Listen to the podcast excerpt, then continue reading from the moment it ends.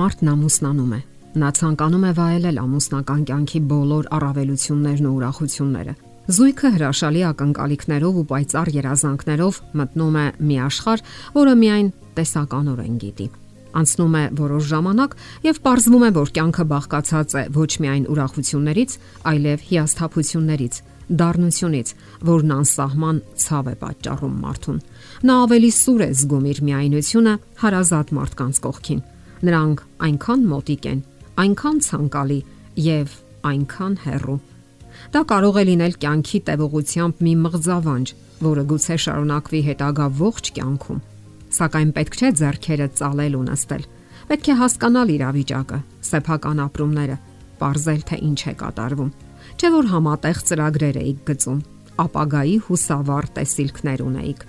Պատճառներից մեկը կարող է լինել այն, որ այլևս միմյանց չեք վստահում։ Վախ, որ դիմացինը չի հասկանա քեզ, նույնիսկ կծաղրի։ Իսկ միգուցե դուք նրա նախապատվությունների մեջ վերջին տեղում եք։ Կա նաև վտանգ, որ ամեն ինչ դառնում է սովորական ու առօրեական։ Շփումն այլևս բավականություն չի պատճառում ձեզ։ Հնարավոր է ժամանակի ընթացքում միմյանց մեջ սկսում եք տեսնել ոչ միայն ուժեղ, այլև թույլ կողմեր, եւ հիասթափության արդյունքում սկսում եք հեռանալ միմյանցից հեռանում եք, քանի որ լրջորեն չեք քննարկում եւ չեք վերլուծում ձեր զգացումները, իրավիճակը։ Հարցն այն է, թե մենք ինչ ենք ցանկանում կամ ինչ ենք սպասում ընտանիքից։ Իհարկե, մեր ցանկությունն է, որ մեզ ընդունեն մեր բոլոր ուժեղ եւ թույլ կողմերով, հասկանան մեր հետաքրքրությունները, հարգեն մեր եսը եւ մեր կարծիքներն ու աշխարհայացքը։ Իսկ անբավարար շփումը եւ միմյանց անտեսելը, ընկերականության պակասը չեն նպաստում դրան։ Զույգը պետք է մուտք ունենա դիմացինի հոգու աշխարը, փորձի ճանաչել նրան։ Բոլոր դեպքերում պետք է հասկանալ, որ երջանկությունը գիտակցական ընտրություն է։ Մենք ենք պատասխանատու մեր սեփական երջանկության կամ դժբախտության համար։ Պետք չէ անընդհատ մեղավորներ որոնել։ Նաև պետք չէ կողակցի ուսերին նրա ուժերից վեր բեր դնել, ինչից նա կձգտի ազատվել, եւ դա կդառնա վեճերի եւ թյուրիմացությունների պատճառ։ Ուրիշ մարդիկ եւ անգամ մեր կողակիցը ի վիճակի չեն լցնելու մեր ներքին դատարկությունը։ Միշտ հիշենք այս մասին։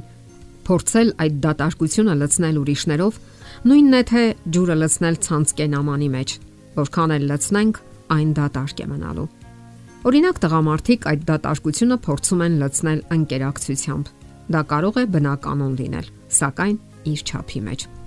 Իսկ բոլոր դեպքերում կարևոր է այն գիտակցումը, որ դուք պետք է աշխատեք ձեզ վրա։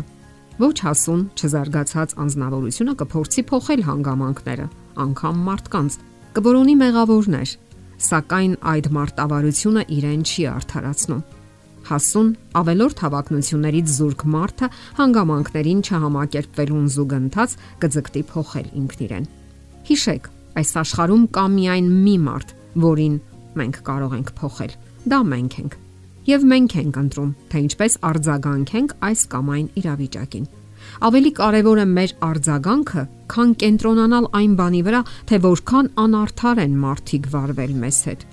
Մենք ապրում ենք մի աշխարհում, որտեղ անարթարությունն ու խափեությունը համարյա կենսական չափանիշ են։ Անիմաստ է սпасել, թե մարդիկ մեր հանդեպ լավագույն ու ջերմ զգացումներ կունենան։ Կենսական պայքարը ունի իր առանձնահատուկ օրենքները։ Ամենից առաջ հարկավոր է լավ ընկեր ու բարեկամ լինել կողակցի ու երեխաների համար, հասկանալ նրանց, նրանց հետաքրքրությունները, պահանջներն ու կարիքները։ Աշխատեք խուսափել ամուսնուն քննադատելուց, նաև նրա հարազատներին, նրա համար կարևոր մարդկանց ու արժեքները։ Ձգտեք առաջինը հասկանալ նրան եւ ոչ թե պահանջել։ Պատրաստ եղեք նաև ներողություն խնդրել ձեր սխալների համար։ Հիշեք, որ ուժեղ մարդիկ են կարողանում այդպես վարվել։ Պատկերացրեք, որ դրանով դուք կվանեք նաև միայնության եւ լքվածության զգացումը։ Նաև այսպես կարող եք հաղթահարել միայնությունը։ Կազմակերպեք նաև ընտանեկան միջոցառումներ, զբոսանքներ։ Տարվա մեջ 1 անգամ մեծ արցակուրտի ժամանակ մեկնեք ճանապարհորդության։ Պարզապես եղեք ստեղծագործական անznավորություն։ Ուշադրություն դարձրեք այն բանին, թե որքան եք շփվում միասին Շաբաթական 15 ժամը այն նվազագույնն է, որ պետք է հատկացնեք հաճելի շփումներին։ Լրջորեն մտածեք նաև երեխաների հետ ձեր հարաբերությունների մասին։ Նրանց էլ բավականաչափ ժամանակ հատկացրեք։